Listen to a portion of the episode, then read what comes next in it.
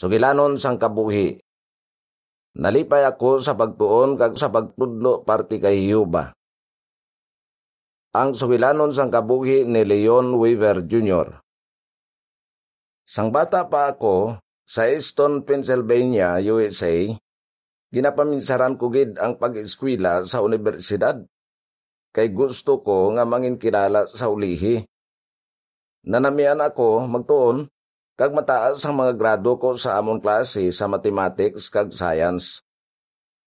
Sang 1956, ginhatagan ako sang 25 kadolyar sang isa ka organisasyon nga nagapakigbato sa mga kinamatarong sa matawo kay ako ang may pinakamataas nga grado sa mga estudyante nga itom.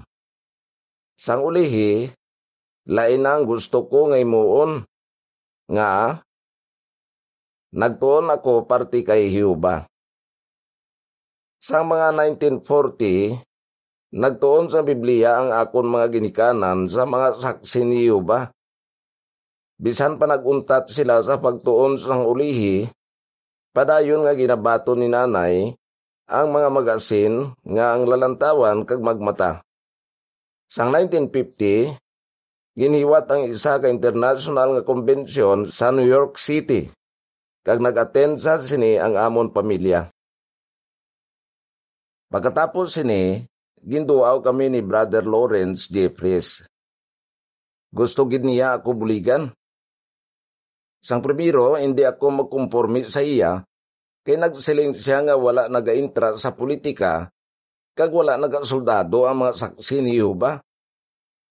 Ginsilingan ko siya nga kung hindi magsoldado ang tanan nga tawo sa Amerika, sa lakayon kag sakupon ang amon pungsod sang kontra namon nga mga pungsod. Mapinasensyahon si Brother Jeffries nga nagpatahag. Sa banta mo, ano ay hanang imo ni ba nga Diyos kung nag-aalagad sa iyang tanan nga tawo sa Amerika? Kag salakayon sila sang kontra nila nga mga pungsod? Bangot sang iya ginsiling party sa sini, kag sa iban pa nga topiko, narealisar ko nga sala ako. Gani, gusto ko na mabalaan ang ginatudlo sang Biblia. Nanamian ako magbasa sang daan nga mga isyo sang ang lalantawan kag magmata nga ginabutang ni nanay sa budiga. Sang ulihi, na realisar ko nga ang ginabasa ko amo ang kamaturan. Gani nagsugot ako nga mag-Bible study kami ni Brother Jeffries. Permi naman ako nag-attend sa mga meeting. Nanamian gid ako sa ako natunan kag nagabantala na ako. Nagbago ang gusto ko himuon sa akon kabuhi, sang nahangpan ko nga malapit na ang dako nga adlaw ni Hiuba. Sa Punias 1.14 Hindi ko na gusto mag-eskwela sa universidad. Gusto ko na nga buligan ang iban nga matunan ang kamaturan sa Biblia. Sang Hunyo 13, 1956, nag-graduate ako sa high school. Pagligad sa tatlo ka adlaw, ginbautismuhan ako sa isa ka serkito nga asembleya. Wala ko kabalo nga kadamo gali sa pagpakamaayo nga mabaton ko, kay nagdesisyon ako nga gamito na akong kabuhi sa pagtuon kag sa pagtudlo sa iban parti kay Huba. Nagtuon ako kag nagtudlo parti kay Huba sang pioneer ako. Pagligad sa anom kabulan, pagkatapos ako na bautismuhan, nagregular pioneer ako. Sa Desembre 1956 nga Kingdom Ministry, may artikulo nga pwede ka bala mag-alagad sa lugar nga kinanglan ang madamo nga manugbantala? Para sa akon, mahimo ko man ini. Gusto ko magbulig sa mga lugar nga jutay lang ang nagabantala sang mayong balita. Nagsaylo ako sa Edgefield, South Carolina. Apat lang ang manugbantala sa kongregasyon dere. Pagsaylo ko, lima na kami. Ginaiwat namon ang mga meeting sa isa ka kwarto sa balay sang isa ka utod. Kada bulan, isa ka gatos ka oras ang ginagamit ko sa pagbantala. Pirmi ko ginapangunahan ang pagbantala kag pirmi ako may bahin sa mga meeting. Bangot sini, mas madamo pagid ako sa natunan parti kay Hiuba. Ang isa ka babayi nga gina Bible study ko, amo ang tag-iya sang isa ka punerarya sa Johnston. Isa ka banwa nga pila ka kilometro ang kalayoon. Ginbuligan niya ako nga makaubra sing part-time kagin pagamit niya sa amon ang isa ka gamay nga building para mangin amon Kingdom Hall. Nangin kaupod ko sa pagpioneer si Brother Jolly Jeffries nga halin sa Brooklyn, New York. Bata siya sang brother nga nag-Bible study sa akon. Nag-star kami sa gamay nga trailer nga ginpagamit sa amon sang isa ka brother. Kagamay gid sang sweldo sa mga trabahador sa mga lugar sa bagatnan sang United States. Sa bilog nga adlaw namon nga obra, makabaton lang kami sang duha o kung tatlo ka dolyar. Isa ka bes, nagbakal ako sang pagkaon sa grocery store kag wala na gid ako sing kwarta nga nabilin. Pagwa ko, nagpalapit ang isa ka tawo kag pamangkot niya ako. Nagapangita ka obra? May ipaobra ko sa imo. Kag sa kada oras nga obra, isa ka dolyar ang imo sweldo. Ginpaobra niya ako sing tatlo ka adlaw sa pagpaninlo sa isa ka construction site.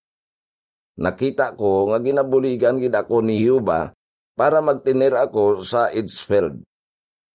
Bisan pa gamay lang ang akong sweldo, naka-attend ako sa International Convention sa New York City sang 1958.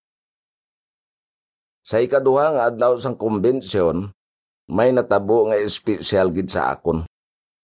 Nakilala ko si Ruby Wadlington, isa ka regular pioneer sa Gallatin, Tennessee. Pareho sa akon, gusto man niya mangin misyonero, gani nag-attend kami sa meeting para sa mga gusto mag-eskwela sa Gilead sa sininga kumbensyon. Sang ulihi, nagsulatay na kami. Dayon, ginimbitar ako nga magpamulong-pulong sa Galatin. Pagkanto ko dito, ginagad ko si Ruby nga magpakasal. Pagkatapos sini, nagsaylo ako sa kongregasyon ni Ruby kag nagpakasal kami sang 1959. Nagtuon ako kag nagtudlo parte kay Huba sa kongregasyon. Sang 23 anyos ako, gintangdo ako nga congregation servant o kon coordinator sang ubon sa mga gulang sa Galatin. Ang amon kongregasyon, amo ang una nga ginduaw ni Charles Thompson nga bag-o lang nangin manugtatap sa serkito. Bisan pa madamo na siya sang eksperyensya, ginpamangkot niya ako kung ano ang mga kinanglanon sang mga kauturan kag kung paano ini ginatipan sang iban nga mga manugtatap sang serkito. Natunan ko sa iya nga antes magimo sang desisyon, mas maayo nga mamangkot anay kag hibaluon ang tanan nga detalye.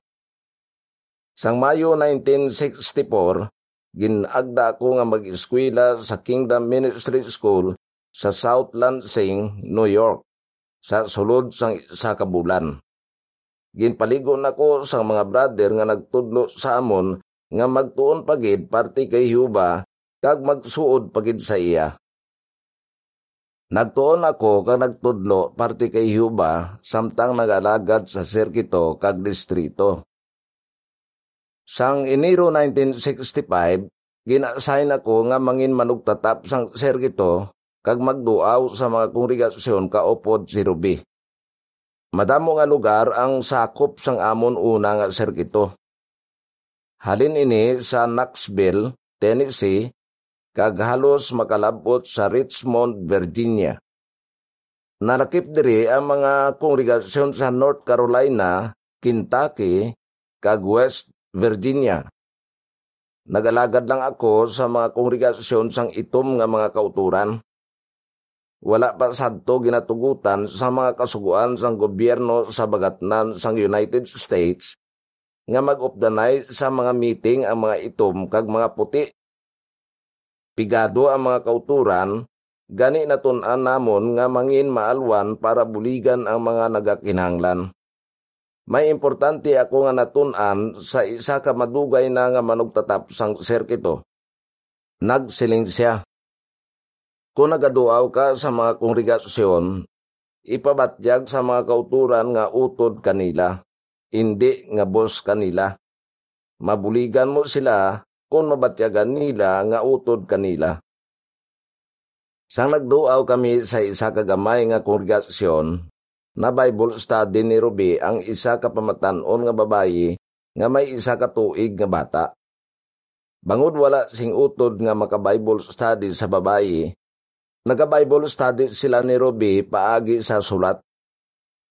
Sang nagduaw kami liwat sa kongregasyon, nag-attend sa tanan nga meeting ang babayi sang ginasay ng duha kay special pioneer nga sister sa sininga kongregasyon, ginpadayon nila ang pag-Bible study sa iya. Sang ulihi, nabautismuan siya. Sang 1995, pagligad sa mga 30 katuig, may isa ka sister nga nag-istorya kay Ruby sa Beetle sa Patterson. Siya gali ang bata sa babae nga gin Bible study ni Ruby. Siya kag ang iyabana mga estudyante sa ika isa kagatos nga klase sang Gilead School. Ang ikaduha namon nga sirkito amo ang mga kongregasyon sa Florida. Bangod kinahanglan na namon ng salakyan, nagbakal kami sang isa ka auto nga barato lang. Pero sa una pa lang nga simana, naguba ang makina sini. Wala gid kami sing kwarta para ipakayo ini. Gintawgan ko ang isa ka brother nga posible nga makabulig sa amon. Ginpakayo sang brother ang amon salakyan sa isa niya kami kaniko. Pero hindi gid pagbatunon sang brother ang bayad namon sa iya. Nagsiling lang siya, okay lang brad, wala ka sang dapat bayaran. Ginhatagan pagani niya kami sing kwarta. Nabatyagan gid namon ang pagatipan ni Huba sa iya mga alagad. Ginpahanumdum kami sini nga mangin maalwan sa iban. Kung nagaduaw kami sa mga kongregasyon, nagadayon kami sa balay sa mga kauturan. Bangod sini, madamo kami sang nangin mga abyan. Isa ka adlaw, ginumpisahan ko ang pag-type sang akong report parte sa kongregasyon pero wala ko ini natapos. Pagbalik ko sang gabi, nakita ko nga may sugpon na nga mga litra ang akong report kay ginampangan gali sang tatlo ka tuig nga bata sang gindayunan namon ang typewriter. Ginsilingan ko siya nga nagapasalamat ako sa pagbulig niya sa akon. Mga pilaman katuig nga ginsunlog ko siya parte sa sini.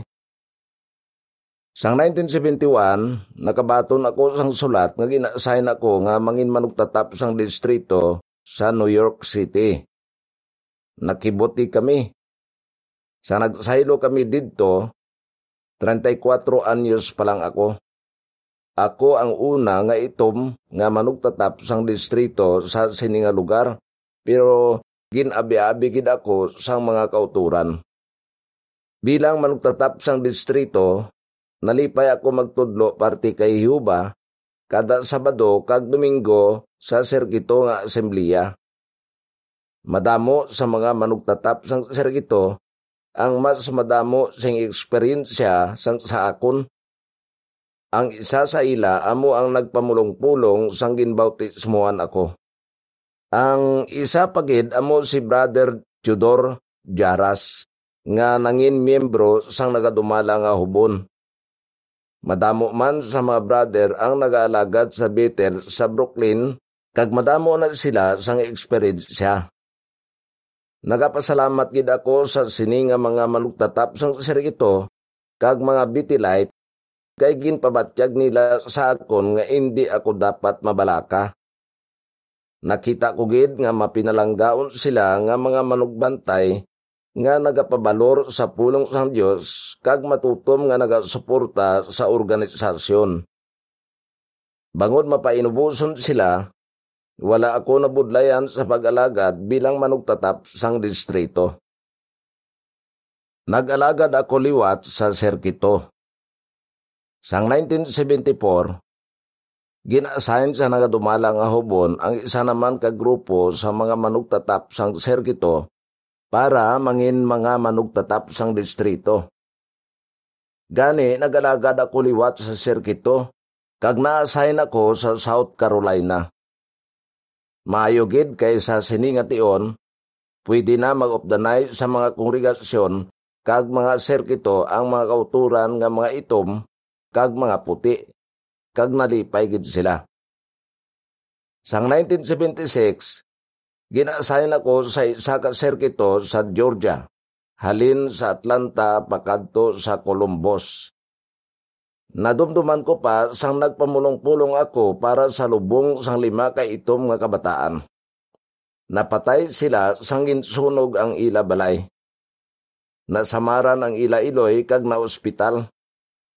Madamo nga mga saksi ni Yuba, mga itom ka maputi, ang nagkadto sa ospital para paumpawan sila.